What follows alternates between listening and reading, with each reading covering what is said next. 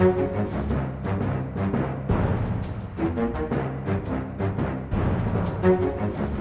ruller vi i gang en eh, ny utgave av Aftenpodden. Eh, Vi er på plass i hjemmestudioene våre, trygt og godt, etter en liten tur innom eh, det faktiske fysiske studio i Akersgata 55 i forrige uke. Så nå er vi i rytmen igjen, og vi er på plass alle sammen. Du er på kjøkkenet ditt, er det så, Sara? Nei, jeg har beveget meg inn på soverommet i denne altfor trange leiligheten. Den har jo blitt trangere og trangere i løpet av disse koronaukene. Men nå sitter jeg der med lukkede dører og barn som har fått servert noe å spise, så jeg håper at det her skal gå ganske greit. Eh, Men jeg kan bare på forhånd si til alle lyttere at hvis det eh, kommer noen eh, avbrytelser, så er det ikke min feil. Nettopp. Og vi kan jo da glede både deg og alle om at eh, dersom det ikke skjer dramatiske eh, koronarelaterte utbrudd i eh, umiddelbar nærhet av Aftenposten i løpet av neste uka, så er vi faktisk åpna nå for at du kan være med som en eh, si, helt avgjørende del av eh, Aftenpostens produksjon i studio. Så, så nå kan vi snart runde av dette telefonkjøret. Jeg kan å- ikke vente, Lars. Nei? Så det er en stor glede for oss alle sammen. Kjetil, du, er, er du på, på hyttekontoret ditt, eller? Jeg er på hyttekontoret, jeg har gått innendørs for at eh, ikke det fuglespetakkelet skal forstyrre for mye på innspillingen. Og så synes jeg det er jo fint at, at vi har jo en tradisjon i Aftenpodden for å være veldig flittige og, og møte opp og lage podkaster selv om man er Altså man avbryter ferie og avbryter fridager og avbryter alt det måtte være.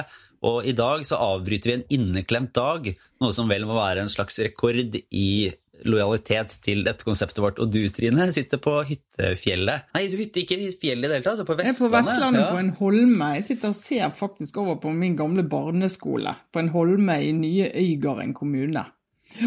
Sammenslått av Fjell, Sund og Øygarden. Der sitter jeg. Veldig fin sammenslåing, må understreke det.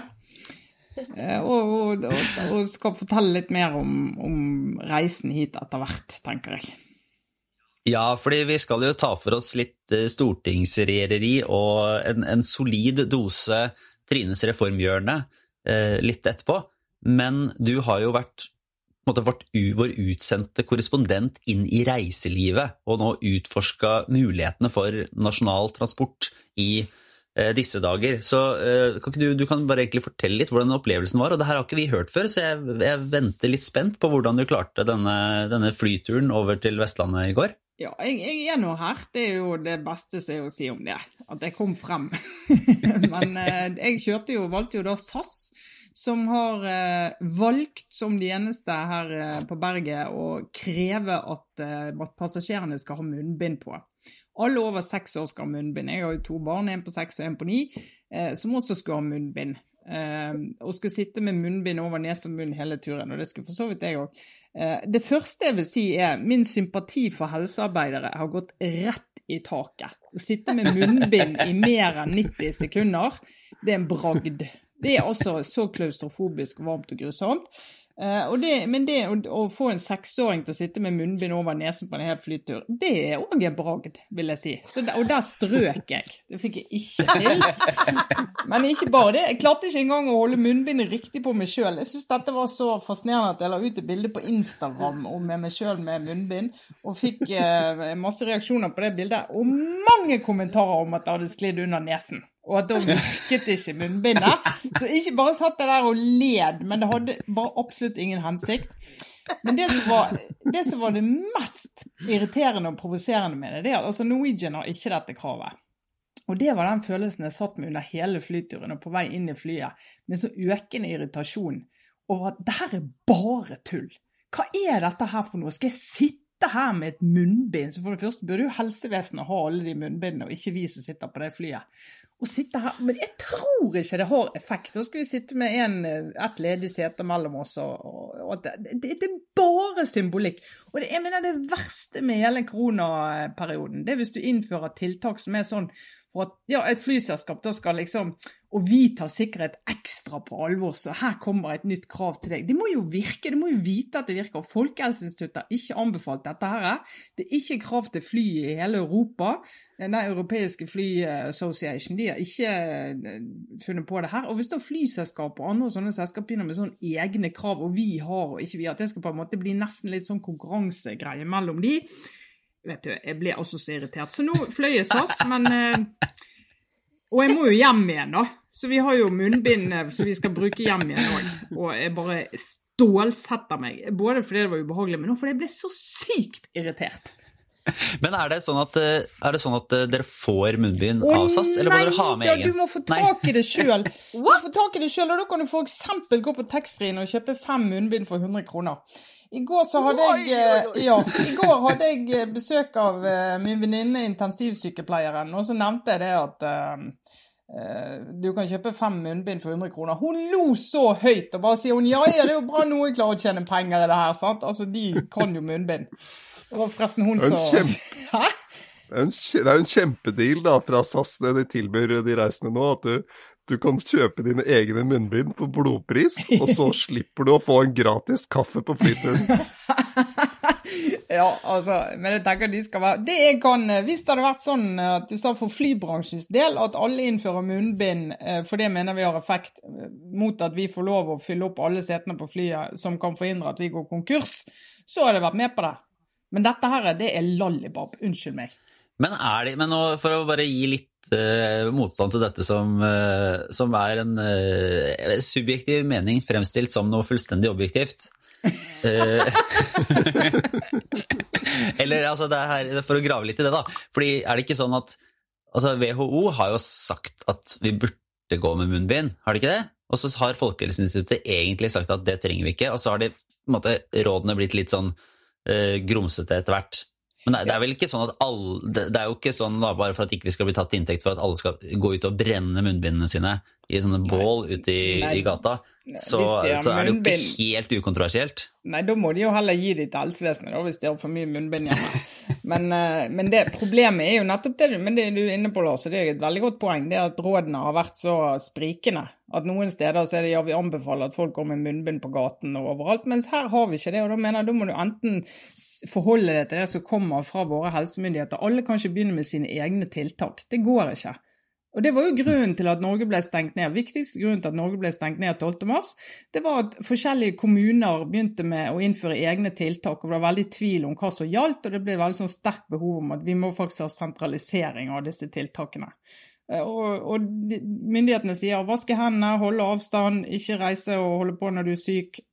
Fint. Og så lenge det gjelder, så syns jeg flyselskapene skal forholde seg til det. Ellers så opplever jeg at det er munnbindgreiene, Trine. Det er litt sånn den nye sykkelhjelmen, bare uten effekt. altså, du, Nå, nå du får et så stygge blikk hvis du ikke har det på deg. Men eh, og det er liksom sånn der, du må for å ta ansvar ha på deg, ikke minst for dine barn. eh, Og vi går foran som et godt eksempel. Og så føler man seg bare så ufattelig teit. Det, jeg kjenner på, jeg kommer ikke over hvor flaut jeg syns det er å ha på sykkelhjelm. Altså, jeg, jeg dauer hver gang jeg ser glimtet av meg selv i et vindu når jeg sykler forbi med sykkelhjelm. Så blir jeg sånn jeg blir skamfull helt inn i sjela. Jeg føler meg, jeg, jeg syns jeg er så stygg. At jeg blir, ja. Men dette klarer jeg jo å bekjempe, for jeg vet at sykkelhjelm virker. Jeg er jo ikke, ikke helt kørka. Jeg skjønner jo at hvis jeg faller, så er det lurt å ha på hjelm. Eh, men hvis jeg skulle gjort det samme med munnbind, eh, som faktisk da, eh, i hvert fall ifølge noen, ikke har den ønskede effekten, så da, det, det er helt null. Eh, jeg, kommer ikke til å klare det. Jeg kommer ikke til å klare å ta på meg munnbind. Det er helt eh, eh, Jeg rett og slett ikke, kan ikke fly SAS. Det SAS sier til sitt forsvar, da, er jo at uh, dette er blitt, en, som de sier, en bransjestandard i Europa i de siste ukene. Og det er vel noe av det som er uh, litt, litt komplisert for et selskap som SAS å forholde seg til. At du har ulike råd i ulike land, og litt ulik praksis for hvor vanlig det er å bruke det. Og hvordan skal de da fra, som opererer bl.a. fra Norge, der det ikke er så veldig mange munnbind, til eh, hardere rammede områder i Europa. Hvordan skal de prøve å, å finne noe som passer for alle passasjerene? Og så er det en kontrovers nå i, i USA, så jeg. For der har jo Donald Trump var i, i Michigan, og der, der er rådet at du skal bruke munnbind. Og de var på en sånn Ford-fabrikk. der også bedriftens råd var at alle skulle gå med munnbind. Og Da lurer jeg bare på, er det sånn at du tenker at det er så udokumentert eller idiotisk å gå med munnbind, at, at det er riktig av Donald Trump da å droppe det, sånn som han gjorde? Eller tenker du at når reglene sier det, så må du følge det? Ja, altså jeg er på det siste. Jeg har ikke noen forutsetning jeg, for å si om det virker eller ikke. Jeg må liksom lytte til de som kan dette. Og da tenker jeg at vi må faktisk stole på de som uh, myndighetene som kommer med anbefalingene sine. Og i SAS i tilfelle så er de liksom føre var før det kommer en sånn uh, melding fra ESA. sant? EASA om at alle skal bruke det. Og det syns jeg Ja. SAS er jo da også med på å lage den bransjestandarden som de peker på. sånn at Man kan jo spørre om det er en bransjestandard som er, er, kommet allerede, eller om SAS er med på å lage en bransjestandard som folkehelsemyndighetene, i hvert fall her i landet, ikke har anbefalt. Nei, bare tenk på den der spiralen man kommer inn i når man eh, begynner å eh, freestyle ulike tiltak, og det blir sånn at én eh, forelder sier at jeg vil gjerne ta barnet mitt ut av skolen, og så blir det en Facebook-gruppe, og så til slutt så blir det et kjempepress på politikerne om at vi må stenge skolene, og så får du en sånn politisk dimensjon, eller hva jeg skal kalle det for noe, inn i smitte, alle smitteverntiltakene. Og da øh, skjønner jeg at det blir fristende både for politikere og for næringslivsledere eller flyselskaper da, å liksom komme det i møte gjennom nettopp, som Trine sier, å være liksom føre var og gå foran i køen og ta liksom smittevernet på aller mest alvor osv. Men, men, men på et eller annet tidspunkt så jo, kan jo i hvert fall det bli eh, destruktivt og helt unødvendig. Og der, der syns jeg jo at Uh, dette Jeg aner jo ikke, altså jeg har jo ikke noe faglig grunnlag, men sånn um, intuitivt så, så, kjenner jeg at jeg stoler på um, og veldig tillit til uh, både altså, Folkehelseinstituttet og Camilla Stoltenberg, som hele tiden har vært veldig sånn nyanserte i sine råd. Og som nå senest i dag er det, er det, har NRK en sak, til intervju med Camilla Stoltenberg, og hun sier helt åpent at hun tror det var unødvendig å stenge ned skolene og barnehagene i mars. Hun tror at vi ville klart å liksom bekjempe viruset uten eller bekjempe smittespredningen, unnskyld, uten å gå så hardt til verks, da. Og jeg bare tenker sånn, De stemmene der de må vinne frem. De nyanserte, de rolige og faglig baserte stemmene, og ikke der hysteriet rundt bedre å være litt ekstra forsiktig. For det er det ikke. Sannsynligvis ikke. Sannsynligvis er det dumt å være altfor forsiktig.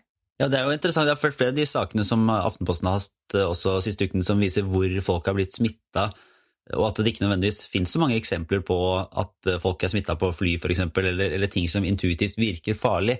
Eh, men så er det å finne balansen der det Det betyr jo ikke nødvendigvis at man skal åpne opp alt av ting, eller at, at det ikke er farlig, men at man klarer å ha en, en, debatt om hva som er bevist, hva som har vært frykta, og så erkjenne at, at man har måttet navigere et sånn uklart landskap der det er tatt valg. Men eh, jeg syns Camilla Stoltenberg kommer godt ut av det. Og det er jo litt eh, fint i den offentlige debatten å se noen som kan gå tilbake og si sånn Ja, der, det er ikke sikkert det var riktige riktig tingen å gjøre. Jeg forstår at det ble gjort.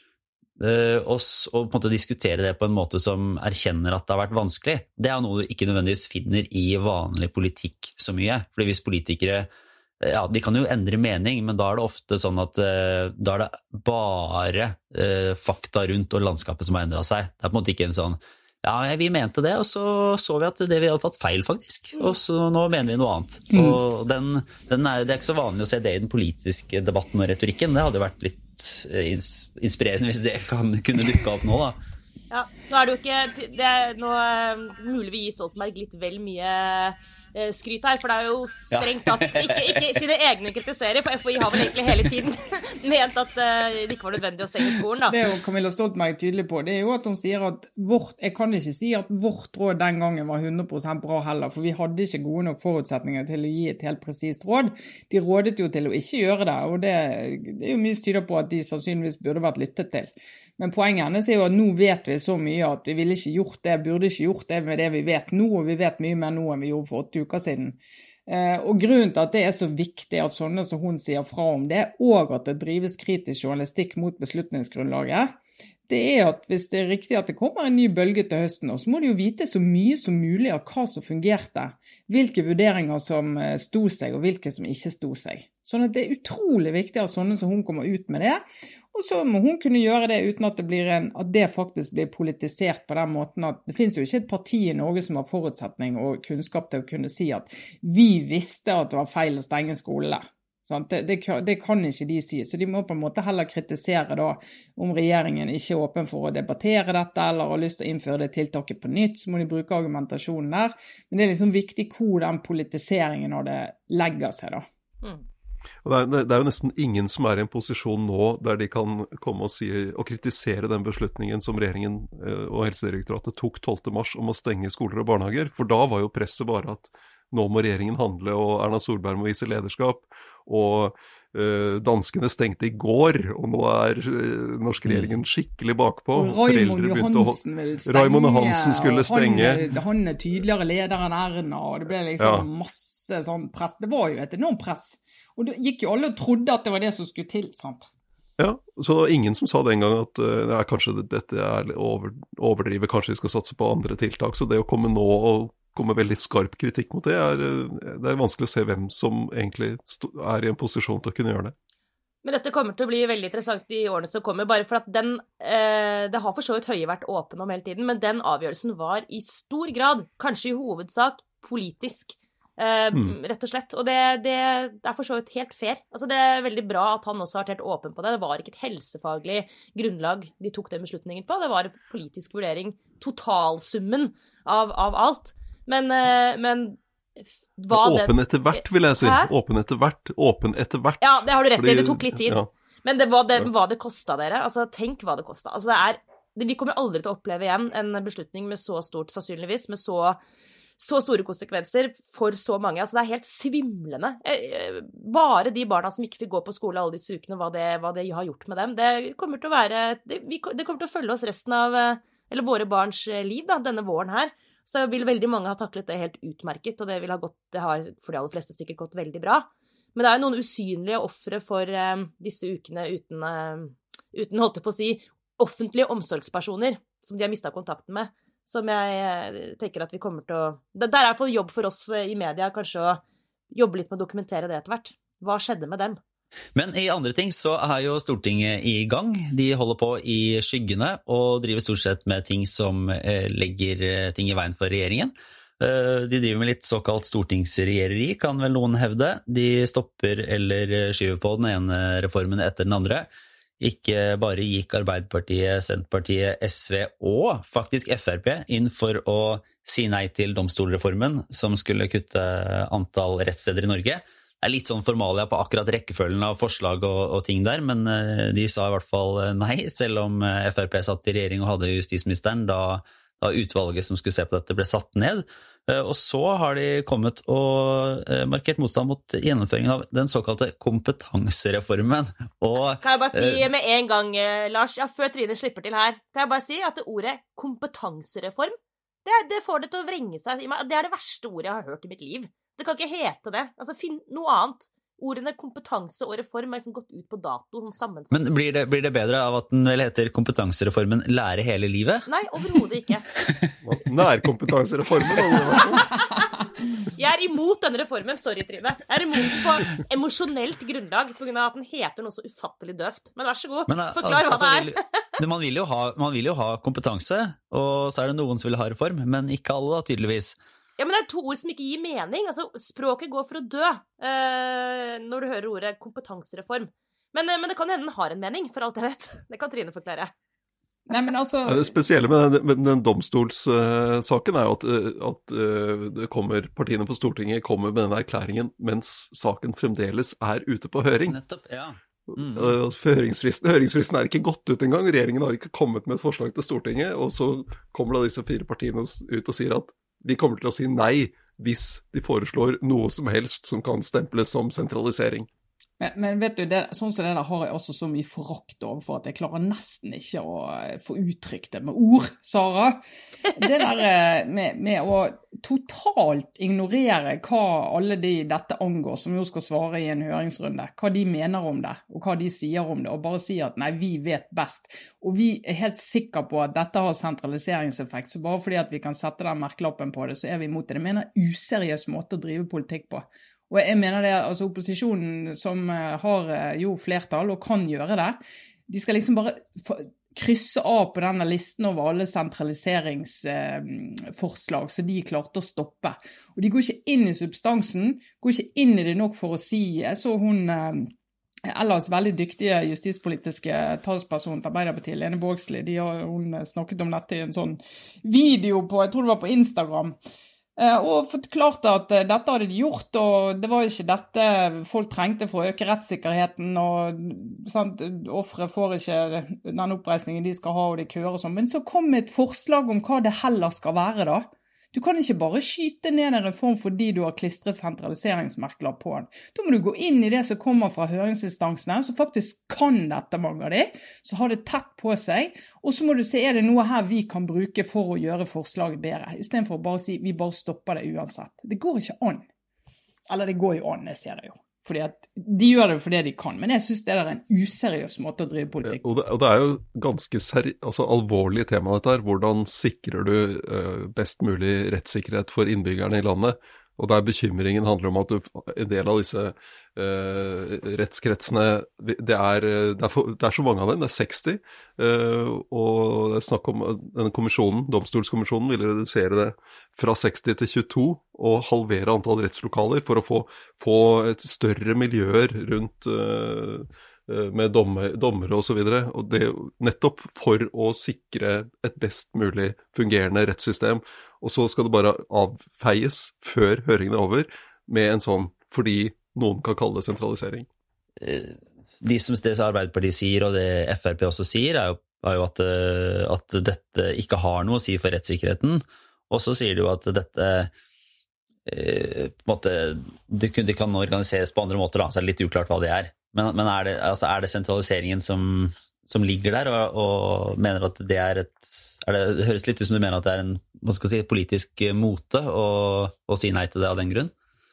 Eh, det er jo ikke et selvstendig argument, tenker jeg. fordi du har, når du har et problem med at du får for små enheter, der, kom, der eh, kompetansen blir sårbar, og at du får eh, dommere som, som, har for lite faglig miljø rundt seg, så er, det en grunn, er det en grunn til å gjøre noe med det. Eh, og det kan Det betyr at man må samle ressurser. Det kan du kalle sentralisering, det handler om å, å gjøre, lage sterkere fagmiljøer rundt, uh, rundt rettsinstansene. Og det, det, regjeringen gjorde, var jo å ikke gå så langt som den domstolskommisjonen, men legge seg et sånn, litt sånn, et, pakke det inn på en litt annen måte, gjøre det på en litt mer varsom måte, nettopp for å Fordi alt som, alt som, smaker av sentralisering er, vanskelig. Tungsolgt i disse Senterpartitider. Så, så det lå allerede i det som ble sendt ut, et sånn, uh, en mellomløsning. og så kommer da flertallet på Stortinget og bare sier nei før, eh, før høringsinstansen er ferdig. Er det det samme som gjelder for kompetansereformen, eller? Ja, de er jo ute der også før høringsinstansen er ferdig, sant? eller høringsrunden er ferdig.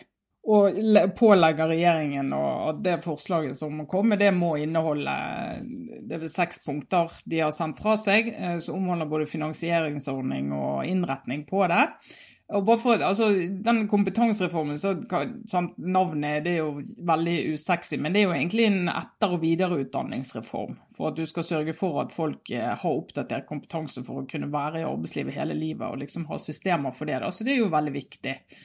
Når vi ser hvor fort ting endrer seg, og det er automatisering, digitalisering Det er liksom en utdanning fra 1994 eh, inneholdt kanskje ikke det du trenger i yrket ditt i 2000, i 2024. Så du må liksom sørge for at folk henger med. Eh, så det er jo forbilledlig at alle politikerne er enige om at vi trenger det. Så er det innretningen på den. Da, som er, og da gikk jo han eh, Svein Støl, rektor på Universitetet i Oslo, eh, ut i går og var rasende på opposisjonen. Jeg tror det er Roy Steffensen i Frp som har fått det til å ta litt fyr, for han har jo sagt at han er veldig fornøyd med at han, han har nå fått Arbeiderpartiet og Senterpartiet med seg på at de Altså du skal ha et, et, krav i det nye finansieringssystemet om at du skal kunne få relevant arbeid, og som han sier, eh, det er mer etter eh, etterspørsel etter sykepleiere enn noen filosofer. Eh, og det oppfattes jo som et veldig sånn hardt angrep på humaniora, de fagene på universitetet som ikke har sånn åpenbart yrkesinnretning på seg, men som er kanskje de fagene som i sterkest grad definerer liksom altså de human, humanistiske tradisjonene da, i vår universitetssektor. Eh, der du skal kunne ha fag så du lærere som ikke har en sånn åpenbart yrkesklistrellapp på seg, men som gjør at du blir eh, en person som kan gjøre veldig mye forskjellig etterpå. Det jeg lurer på i den saken om kompetansereformen leve, nei, lære hele livet, leve hele livet, det er den der eh, om eldreomsorg. Ja, riktig. Det er et eller annet med hele livet i hvert fall. Det er om det glipper kneppe litt her for, eh, for særlig Høyre da, på Stortinget, om de gjør godt nok fotarbeid nå som Fremskrittspartiet er ute etter å markere seg. For det Roy Steffensen sier til VG, er at eh, altså de, regjeringen la frem reformen 22.4, så har de hatt høring på Stortinget for to uker siden, og så har de ikke hørt noe fra Høyre. Mm. Og det virker jo ikke klokt, hvis det, det er hans beskrivelse. Mm. Det virker jo veldig svakt, sant. Ja, altså Steffensen prøver å gjøre skåret litt poeng her med å si at Høyre har vært mer opptatt av daglige presseshow og dansevideoer. Eh, den dansevideoen er, har vi snakket om forrige uke. De daglige presseshowene, som han sier, det handler jo om hvordan skal landet takle en pandemi.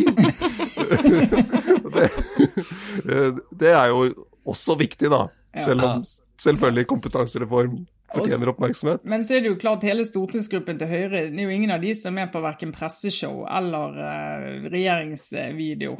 Så det finnes jo folk i stortingsgruppen i Høyre som burde ha kunne sette av et kvarter til å snakke om med f.eks. Roy Steffensen om den kompetansereformen, og prøve å få de med på laget. da. Eh, og, han, og, det har jo han all, mulig, all, mulighet for å si at nei, men jeg hører ikke noe fra Høyre. Det går og snakker med noen andre som jeg vet jeg kan ha felles interesser med, nemlig Arbeiderpartiet og Senterpartiet, og så får vi eh, både mulighet til å ydmyke regjeringen og eh, markere oss politisk, og endre reformen i en retning vi syns er riktig. Hvor legitimt er det at Frp nå går, inngår eh, andre samarbeid og skyter ned ting de i stor grad har vært med på å utvikle i regjering? Som har sittet på innsida og drevet og satt i gang arbeider, og antageligvis ikke nødvendigvis har hatt ansvar for det, men, eh, men dytta det i gang. Og så, så går de ut av regjering, regjeringen fortsetter, og når sakene kommer til Stortinget eller skal behandles der, så, så snur de eller sier de nei. Er det, er det, helt greit og naturlig, eller er det måte, politisk ufint, eller har du noen Ja, hvordan skal en se på det? Ja, altså jeg tenker jo at Det er litt forskjellige saker eh, vi har snakket om. Den eh, domstolsreformen hvor det var Frp som satt med justisministeren og de begynte å jobbe med det, og som definerte eh, behovet for det. Og nå liksom ikke skjønner hvorfor vi trenger en domstolsreform. Det er jo komplett useriøst. Mens kompetansereformen, der har de jo altså reelle uenigheter. Og i utdanningspolitikken, høyskole- og forskningspolitikken er jo Frp uenig med f.eks. Høyre.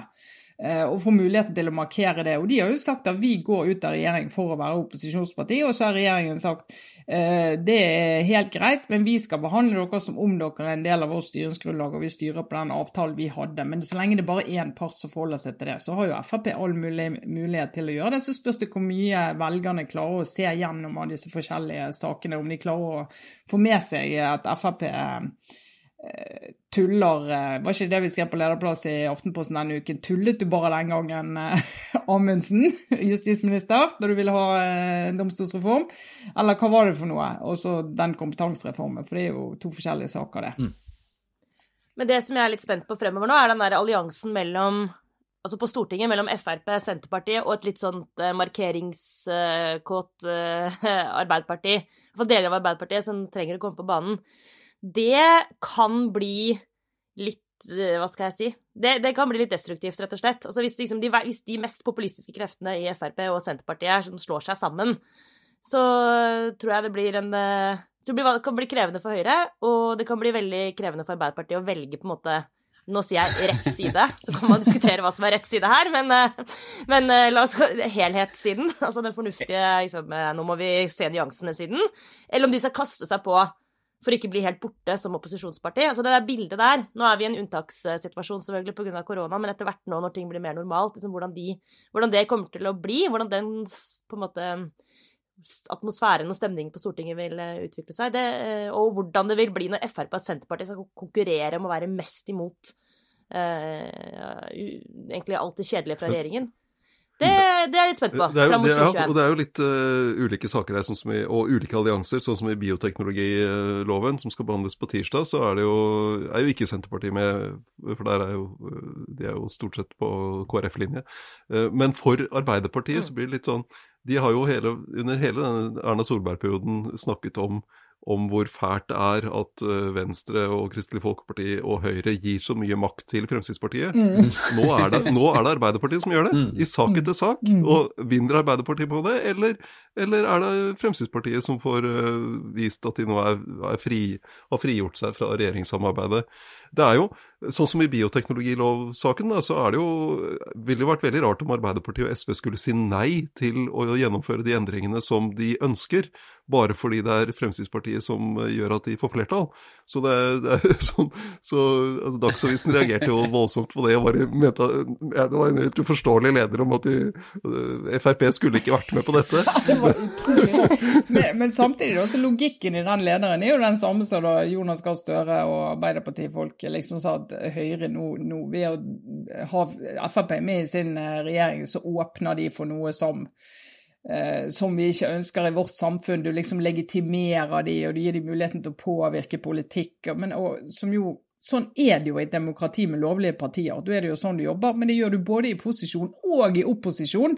Så det blir litt rart når det skal gjelde den ene dagen og ikke den neste. Nå får jo Arbeiderpartiet sånn sett, de får plukke sine saker her, da. Og det vil jo ikke få altså, Det er jo eh, de, de får jo valgt akkurat de sakene der de er enig med Frp, uten å måtte jo inngå kompromisser eh, i saker der de er uenige. Det er jo den store forskjellen på å holde på med, med felles eh, planer i opposisjon og i posisjon. Absolutt. Ja, og så, og så er, det, det er, og så er det jo litt u, det er ulike saker, sånn som bioteknologiloven. Der blir det jo et lovvedtak. Det får konsekvenser. Det de gjør på kompetansereformen, lære hele livet, er å, å komme med seks, seks punkter der de ber regjeringen gjøre ting. Mm. Uh, og det er uh, Det gjør Stortinget ofte, med, med variabel suksess, kan man si. For da kommer ofte regjeringen tilbake og sier vi kan ikke gjøre dette fordi sånn og slik, og vi vil heller foreslå å gjøre det sånn. Mm. Så det, det vil, Der er det jo mye av oppfølgingen det vil handle om, og noe av det har budsjettkonsekvenser og sånne ting. Så hva dette vil bety i praksis, vet vi jo ikke helt ennå på, på alle de Jeg tror kanskje at vi fortsetter inn i en liten runde med obligatorisk refleksjon, jeg, før både eh, barn og turkamerater og hva det måtte være, bryter inn i hjemmekontorene og setter en stopper for denne ukens podkast. Så jeg vet ikke, Trine, om du har lyst til å begynne med en liten runde obligatorisk refleksjon? Liten eh, anbefaling. Jeg, har, eh, jeg hadde en anbefaling for noen år siden. Jeg anbefalte alle å lese boken til Zlatan, fotballspilleren. Eh, Og en av grunnene til at jeg likte den boken så godt, det var jo at eh, han har jo en fascinerende historie, selvfølgelig, men du fikk liksom en sånn, i hvert fall for meg, da, en sånn innblikk i internasjonal fotball som jeg ikke hadde fått før, og en butikk og en forretnings... eh, da, som eh, jeg syns var veldig fascinerende å forstå mer av. Så etter det så har jeg egentlig bare fortsatt jeg å stupe inn i sportens verden for å skjønne mer av eh, den delen av eh, vårt eh, sammensatte samfunn. Så da har jeg gjort to ting. Jeg har sett denne mm, dokumentaren om Chicago Bulls og Michael Jordan på Netflix, som jeg tror veldig mange andre har sett. Fascinerende fortelling om hvordan amerikansk basketball, det som vi på 80-tallet hjemme i Norge kalte kurvball Så ingen sier Nei, det, lenger. det er Ja. forsvunnet, egentlig. den der. Ja, det kurvball forsvant litt sånn som drosje. Ja. Ja. Så nå, nå heter det basketball. Men eh, hvordan det ble en eh, global merkevare og fenomen og, og idrett som absolutt alle forholder seg til i hele verden, med de der eh, utrolige profilene. Eh, og så har jeg også hørt en uh, podkast om eh, The Gladiator, Aron Hernandez, amerikansk fotballspiller. Boston Globes har laget den. Han er nå død, for han tok livet av seg i fengsel for et par år siden etter å ha blitt dømt for eh, ett drap og blitt uh, frikjent for to andre drap. Uh, og litt av, litt av noe av det som er fascinerende med begge de to idrettene, som jo selvfølgelig er kjempestore i USA, den ene er en suksesshistorie om Michael Jordan, og den andre en tragisk historie om Arne Hernandez, det er jo ene er jo hvor, hvor tøft det er å være i de ligaene. Eh, Noen de flyter opp og klarer seg kjempebra, mens andre de går det aldeles eh, galt med. Eh, men denne her eh, systemet hvor de plukker disse tenåringene, gutter som er seint i tenåring, og de plukker de inn på disse lagene fra liksom eh, collegefotball og collegebasket og sånn, og får de inn i dette maskineriet og, og sørger for at de bare holder på med det og blir en del av maskinen hvor tøft og hardt det er, og hvordan han Aron Hernandez, som åpenbart hadde noen problemer før han kom inn i dette, da, at det er ingen der som klarer å ta vare på ham, for de er så opptatt av å vinne, at de heller har en advokat som sørger for at han eh, aldri må ta ansvar hvis han har vært på et utested og slått ned en fyr, eller eh, brukt dop, eller hva det måtte være, eller faktisk drept en person, da, som hele tiden skal beskytte dem, sånn at de er klar til neste kamp og kan levere på det de skal levere på.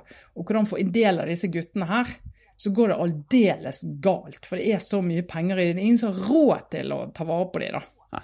Veldig fascinerende begge to.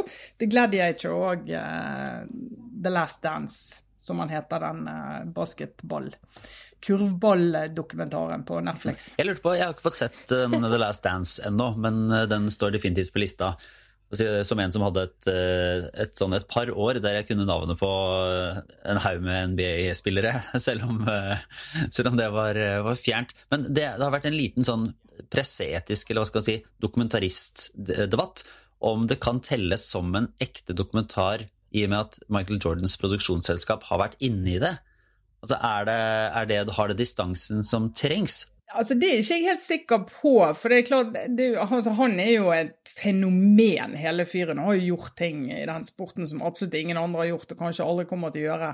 Og var så viktig for å bygge den merkevaren. Så det tror ikke jeg er omstridt. Men det er klart, han er jo Og det er kritikk mot han der. sant? Det blir eh, liksom fortalt om at uh, han ble tungt kritisert av lagkamerater for han var altfor tøff for dem, men samtidig i neste scene så sier de men det var det vi trengte for å bli så gode. Ja. Mm. Sånn at liksom all, all kritikk mot han ender jo opp i en eller annen konklusjon om at det var jo egentlig riktig, det måtte være sånn for at vi skulle bli så gode. Så, så jeg skjønner at den diskusjonen kommer, og jeg skjønner at en del som da ikke eh, passet inn på det laget eller sluttet der eller var i evig konflikt med Jordan, som jo hadde et enormt sånn personlig Han var jo også drevet av et personlig agg mot motspillere, eh, som liksom gjorde at han ytte ekstra mye en del av de kampene. Så, så litt sånn eh, crazy å høre på, men som du kan tenke, ja ja, det, det gjorde noe, da, at han, de vant, liksom. Men jeg klarte å sitte og se Dennis Rodman og Pippen og hele denne greien der, som sånne navn som jeg ikke har sånn veldig nært forhold til, men som har liksom vært, blitt en del av populærkulturen da, mm. siden 90-tallet. Det er jo fascinerende å høre de snakke, selv om det er litt uh, solskinn òg. Mye solskinn, men også my enormt mye drama. Åssen er det med deg, Sara? Har du sett noe spennende i det siste? ja. Altså, jeg, det, er, det, er jo egentlig bare én sak for meg som er uh, denne ukas store sak. Uh, kanskje denne våren eller årets store sak. Uh, og det er, det er, rett og slett beveren i Frognerparken. og da kan jeg bare si sånn Velkommen til Lokalnytt. Men, men jeg så jeg så det var enkelte reaksjoner på sosiale medier i går på at uh, Aftenposten sendte en push-melding om at det var uh, eh, flytta, en bever inn i Frognerbekken, som altså er den lille elva, ikke elva, jeg tror det er strengt tatt det er en bekk, som renner da gjennom Frognerparken og ned mot Skøyen. Til det vil jeg bare si Selvfølgelig er det en push-melding. Altså, Hvordan går det an å være kritisk til det? Altså, Dette er jo en kjempenyhet her for oss i nabolaget. Og jeg kan også legge til at jeg kan ha kommet i skade for å ha litt med den saken å gjøre selv. Fordi jeg var blant de første som oppdaget denne beveren i går, der vi sto langs elvebredden. Uh, kan vel hende at jeg har tipset noen fotografer og noen journalister i NTB om å lage den saken. Det kan godt hende. Men altså, for bykidsa her i Oslo, uh, ja, Oslo vest, må jeg vel nesten innrømme at det er, det var altså så gøy. Altså, er en bever som har flytta inn i elva, driver og svømmer rundt for å, for å ordne og lage seg hytter og sånn. Det, mer enn det skal det ikke til. Det var en perfekt dag i Frognerparken, og folk ble så glade. Og mange mennesker gjorde sånn borgervernsinngrep da det kom en golden retriever svømmende ned vannet. I, i, retning, I beveren. Og vi fikk stoppet hunden og sagt fra til eieren og Jeg vet ikke, kanskje, bare, kanskje det er en sånn koronafatigue. Eh, bare deilig å bry seg om noe annet. Uh, eller kanskje det er et tegn på at uh, det har skjedd noe fryktelig feil med økosystemet som gjør at beverne har mistet sitt naturlige habitat og kommet inn til byen. Jeg vet ikke. Kan noen opplyse meg om det? Setter jeg pris på det? Jeg, jeg, jeg, jeg tror, jeg tror be ja. en bekk faktisk er naturlig habitat for en bever. ja, altså Jeg, må, må, må, jeg kommer jo her fra minkavdelingen, ja. og som, som, vi vet, så hater vi mink. Men bever, det liker vi. Ja. Vi liker bever, og bever ja. de har vært utrydningstruet flere ganger. Eh, favorittboken til mine barn er, handler om beveren Bjørg. Som eh, er en sann historie om en liten bever eh, som ble flyttet til Skottland for å bidra til å bygge opp igjen bestanden der som var utryddet, der den ble satt ut i en sånn vannbekkefar, eller hva det var. Eh, og klarte å lage seg en ny familie. Det, det finnes masse fine dokumentarer på fjernsyn om bever, som jeg da har sett, for det er noe av mye beverinteresse her. Og at, eh, at, Aftenposten sendte push, altså som ansvarlig for Aftenposten, det står jeg for 160% Selvsagt skulle vi ha push. Bever er jo fascinerende dyr, som, som sagt har vært utrydningstruet flere ganger, og de driver og prøver å bygge opp. Han er, han er altså utryddet i store deler av Storbritannia, faktisk. Og gjeninnført i veldig mange land. Danmark f.eks., Belgia. Eh, er beveren gjeninnført. Eh, og det finnes naturlig i bare noen få land igjen. Så beveren skal vi bare heie si, på. Du kan si som Ron Farrow I stand by my reporting. ja, det, det, det, det, gjør jeg, da. Ja. Men eh, jeg skal også bare legge til at når det gjelder da disse beverne så også, For jeg også har lest en del om bever nå. Så det, jo, det, har også blitt et tema her i huset, for å si det sånn. Eh, fascinerende evne til eh, destruksjon av til dels ganske så store landskapsområder. Altså Beverne feller jo trær for å bygge disse hyttene sine. Eh, jeg skal ikke snakke mye om dette også, men det er bare veldig gøy, fordi de har totalt ingen sånn overordna plan. Altså De mangler liksom et strategidokument i bånn. Eller det, de mangler en retning på prosjektene sine. Så de bare gnager løs på alle trær, og så faller jo de helt random ned. Og de fleste er jo så store og tunge at de får aldri brukt dem til hyttene sine. sant? Sånn at det, det finnes jo hele sånne skogområder som blir helt rasert av beveren. Og så er det sånn Gnagde ned det treet, falt ned, kunne ikke bruke det. Går videre. Så jeg merker at jeg blir så tiltrukket av den der, den der helt sånn vilt destruktive kraften i en bever. Jeg tenker at det føles som et sånt frirom for oss andre som sitter og følger prosjektstyringsmaler og fandens oldemor og overordna strategi og retning og ja. Så det skal jeg gå, jeg skal Min mindfulness de neste ukene, håper det blir de neste årene, håper beveren blir der for alltid, det er å gå og bare sette meg på elvebredden og stirre på en sånn eh, random, ødeleggende, kjempesøt bever. Mm. Be så det. Be beveren lever ja. i øyeblikket. ja, det er gjør. Men så håper jeg også, da, bare helt til slutt, uh, legge til at uh, nå, jeg har følt litt medansvar for å ha gjort denne beveren til en kjendis. Og da håper jeg at ikke det er noe At ikke det At ikke det blir sånn som uh, den isbjørnen Knut, som ble en slags personlig tragedie nede i Berlin. Ja. ja. Det må ikke skje. Den svanen i Nygårdsparken i Bergen som ble slått i hjel. Altså, det fins mennesker der ute som uh, intet godt vil. Nei, la oss krysse fingrene. Ja.